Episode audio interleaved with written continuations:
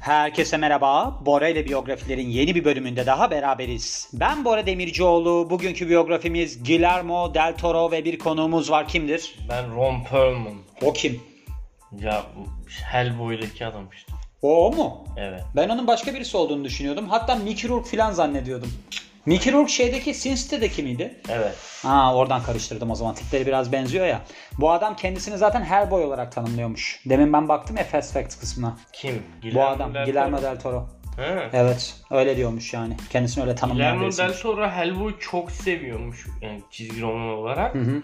Ee, onun role de en çok Ron Perlman'ı yakıştırıyormuş. Hı hı. Ron Perlman aslında o rol için biraz yaşlıydı hani oynadığında ama yani Zaten makyaj var acayip. evet ama şöyle bir şey var 7 yıl boyunca Hellboy şeyi için e, Ron Perlman'ın oynaması için stüdyoyla sürekli tartışmış yani film sürekli ertelenmiş.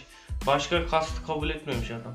Bu adamın zaten şey olayı da varmış. Ben demin bakarken gördüm. Mesela bazı kafasında olan fikirleri özel efekt falan olarak kabul ettirmek için stüdyoya diyormuş ki ben az para alayım ama siz buna daha çok para harcayın Evet. falan. Öyle bir mükemmelliyetçi yapısı varmış. Zaten genelde öyledir biliyor musun? Mesela Brad Pitt'i de ben yapmıştım biyografide. Orada da dövüş kulübünde onun öndeki dişi kırık. Biliyor musun? Filmde. Evet. O gerçekten kırıkmış. Ha. Kendisi kırdırmış. Yapımdan sonra tekrar yaptırmış dişini. Hadi ya. Evet. Yani bir de Brad Pitt görünüşüyle çok ünlü olan bir adam. Ona rağmen o riske girebiliyor. Böyle şeylerden çıkıyor zaten. Yani eğer ki kafanda öyle bir mükemmelliyetçi yapı yoksa hep ortalama kalıyorsun. Guillermo del Toro'ya bakarsak en iyi tanıdığımız filmleri Pen'in Labirenti ve The Shape of Water. Bu The, The Shape of Water izlediğin bir film mi senin? Yok onu izlemedim ben. Onunla Oscar almış ama. Evet. Pen'in Labirenti ile de Oscar aldı mı?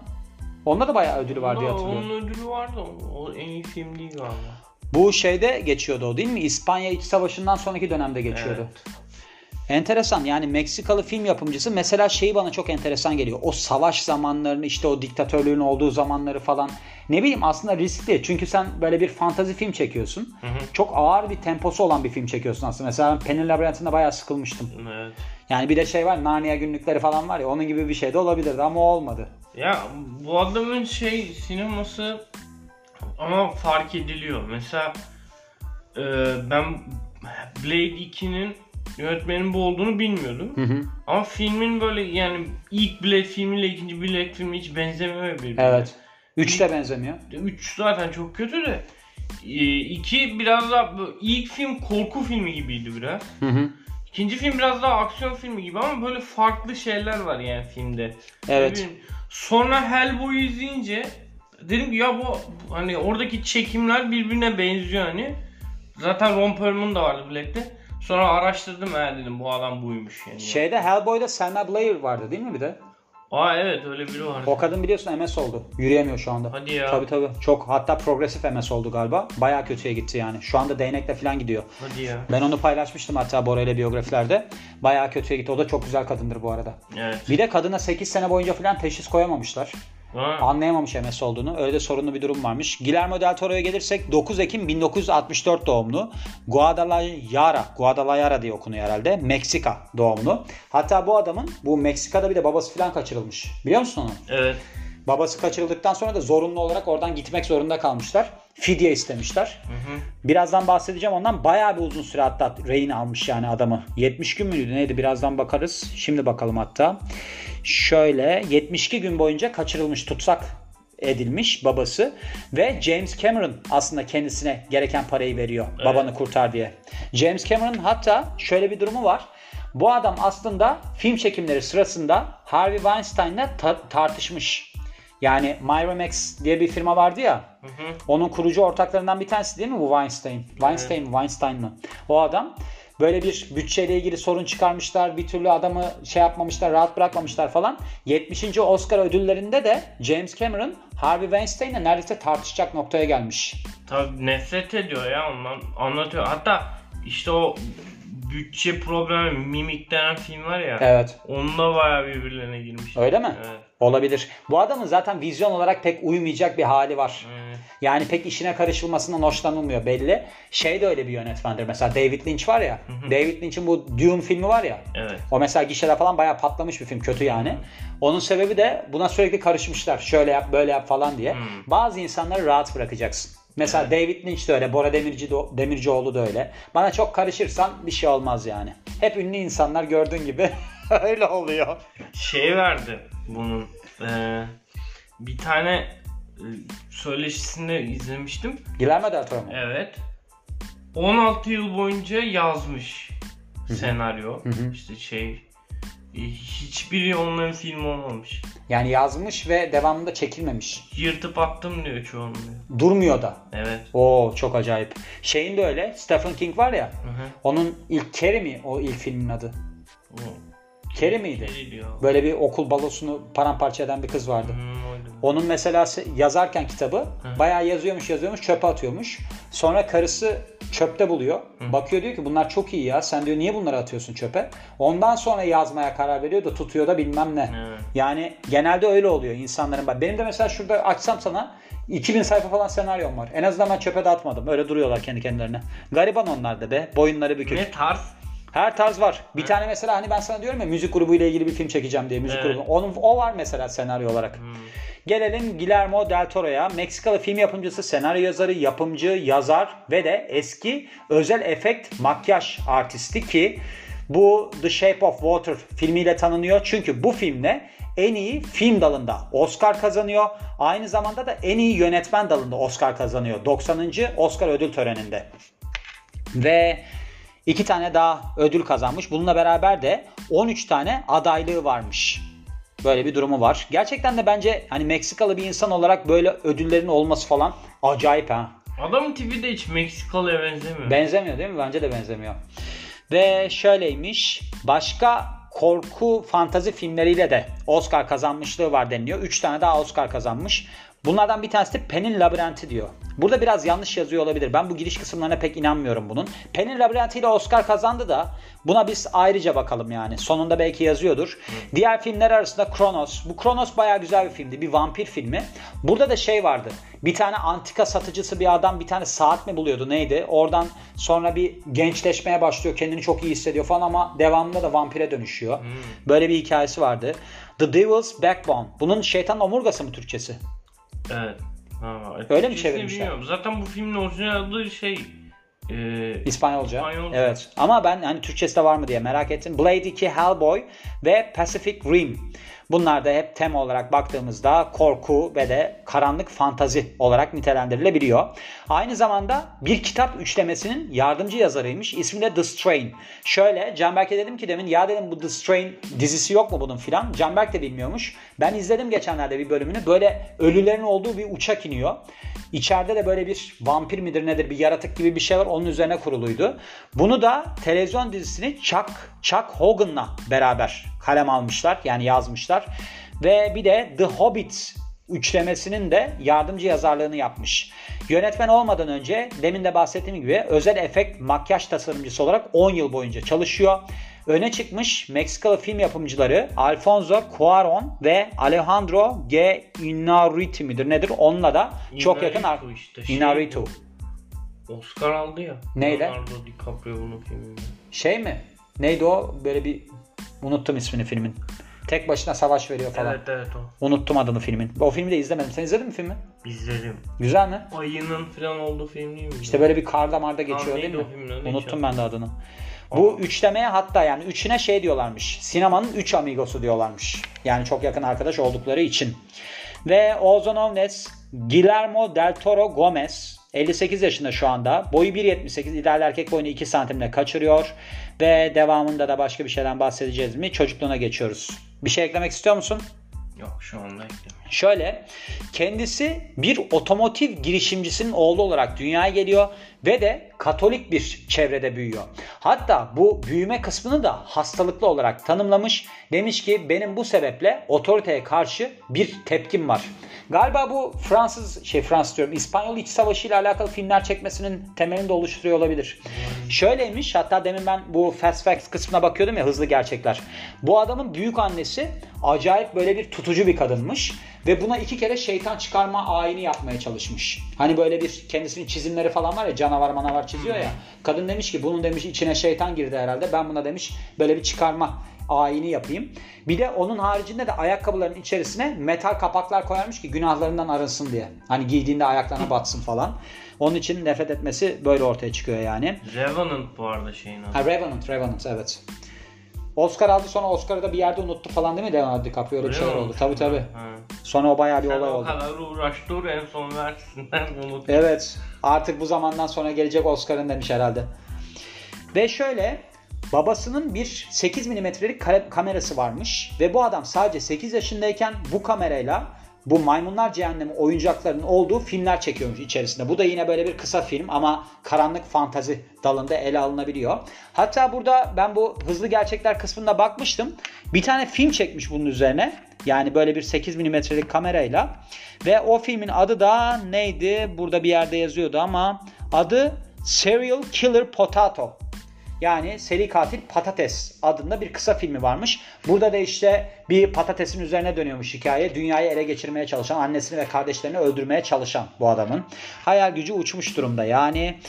Ve devamında da film okuluna gidiyor. Bunun telaffuzunu nasıl yaparım bilmiyorum ama Centro de Investigación y Estudios Cinematográficas bilmem ne. Guadalajara'da. Lajara'da mıdır nedir? En sonunda ben herhalde bir Fransızca kursuna gideceğim, İspanyolca kursuna gideceğim, Japonca kursuna gideceğim. Öyle durumlar olacak yani. Kapı çalıyor. İstersen kapıya bakacağım belki. Böyle ne kadar real time bir şey. Ortadaki yere basıyoruz. Hiç çalmayacak kapı çalar yani bu noktada. Ortadakine bas da. Ve devamına da gelirsek Canberk şu anda kapıyı açarken ne kadar gerçekçi bir biyografi yapıyoruz. Kim geliyor? Sipariş yanlıştır. Sen kapıyı açarsın ve yanlış gelmiş. Kafasına göre zile basmasın bir daha da dersin. Kariyerine gelirsek şöyle 1993 yılında İspanyolca dilinde bir Meksikalı korku drama filmi çekiyor. Filmin adı da Kronos ve burada da Federico Lupi ve Ron Perlman başrolde yer alıyor.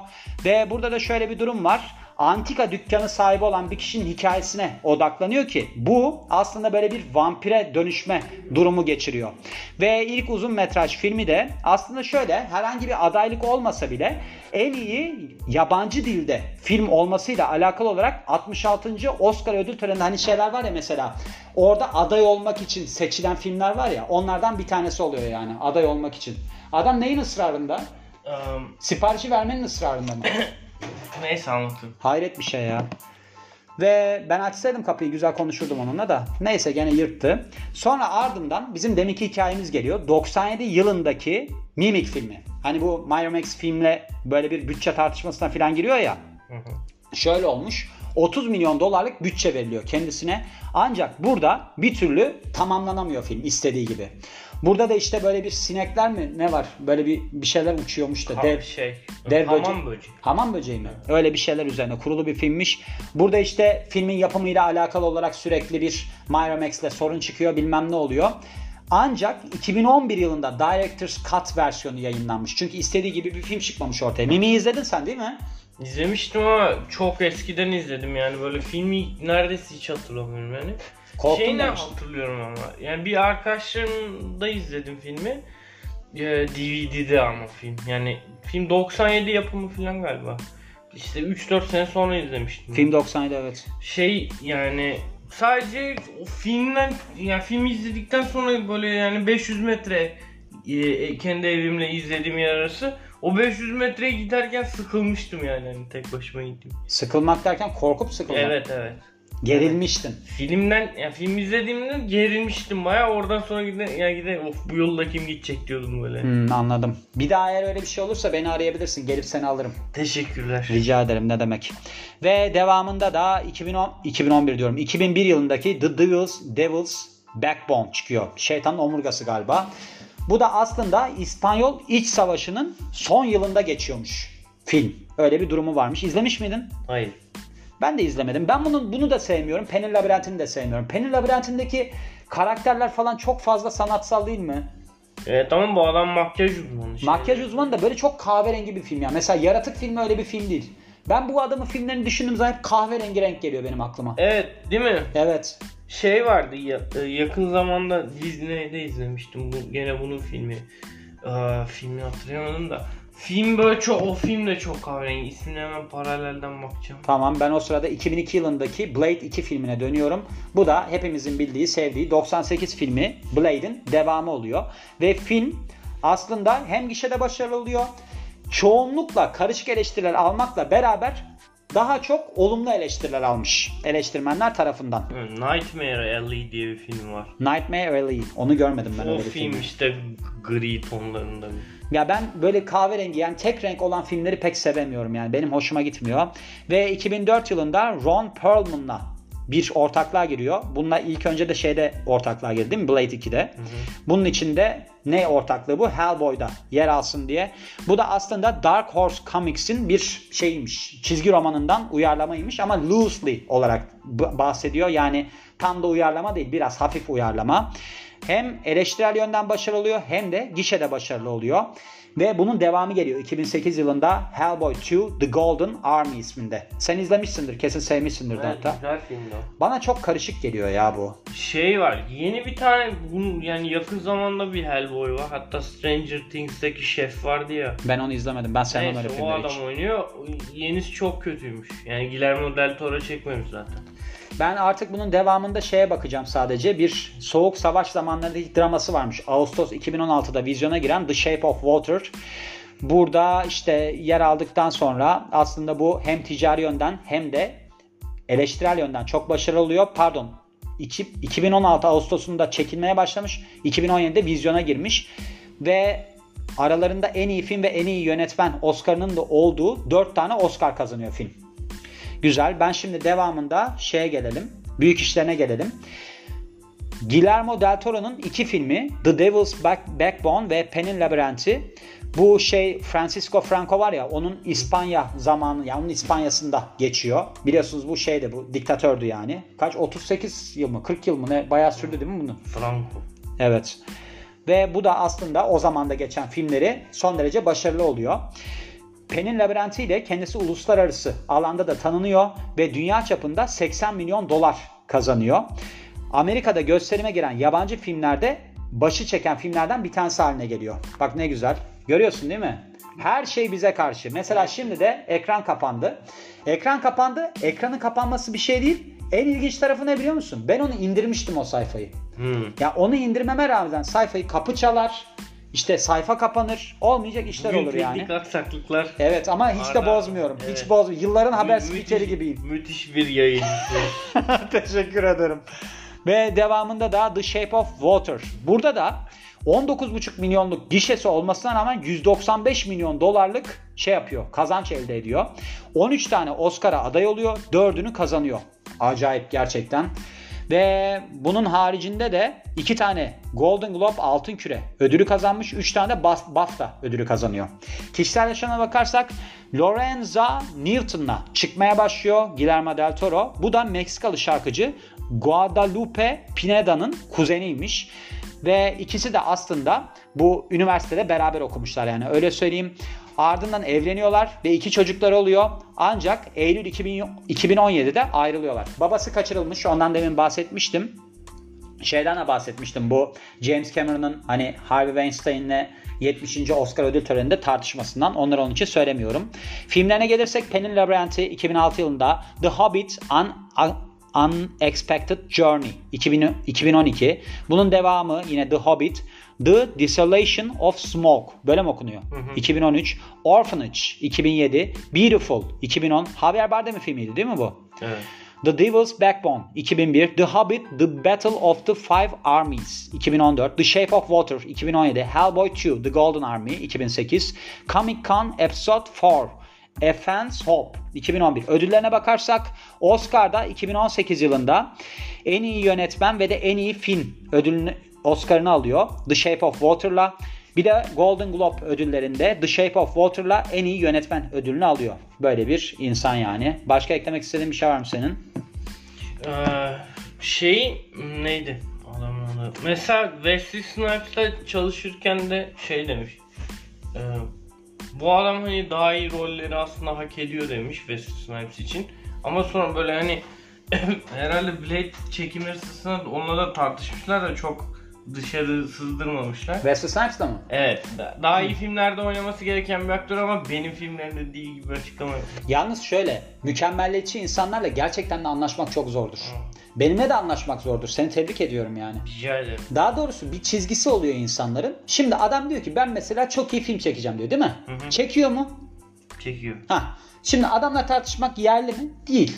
Adam diyor ki ben diyor paramı almayayım. Siz diyor bunu diyor özel efektlere aktarın diyor. Muhtemelen diyorlar ki e para almayacaksan özel efekte de aktarmayalım biz daha çok kazanalım falan. Bu da deliriyordur. Ve Snipes'a da diyordur ki mesela şöyle oyna böyle oyna. O kendi kendine bir şeyler söylüyordur. Ondan sonra tartışma çıkıyordur. Birkaç detay daha verelim. Şöyle bir tane efsanevi makyaj artisti varmış. Dick Smith isminde.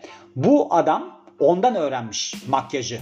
Yani Del Toro ondan öğrenmiş ve de 1980'lerde makyaj uzmanı olarak çalışıyor. Özel efekt makyaj uzmanı olarak çalışıyor. Hatta Necropia isminde bir makyaj yani özel efekt firmasının da ortağı. 93 yılında film kariyerine başlıyor. Demin bahsetmiştim Kronos filmiyle başlıyor.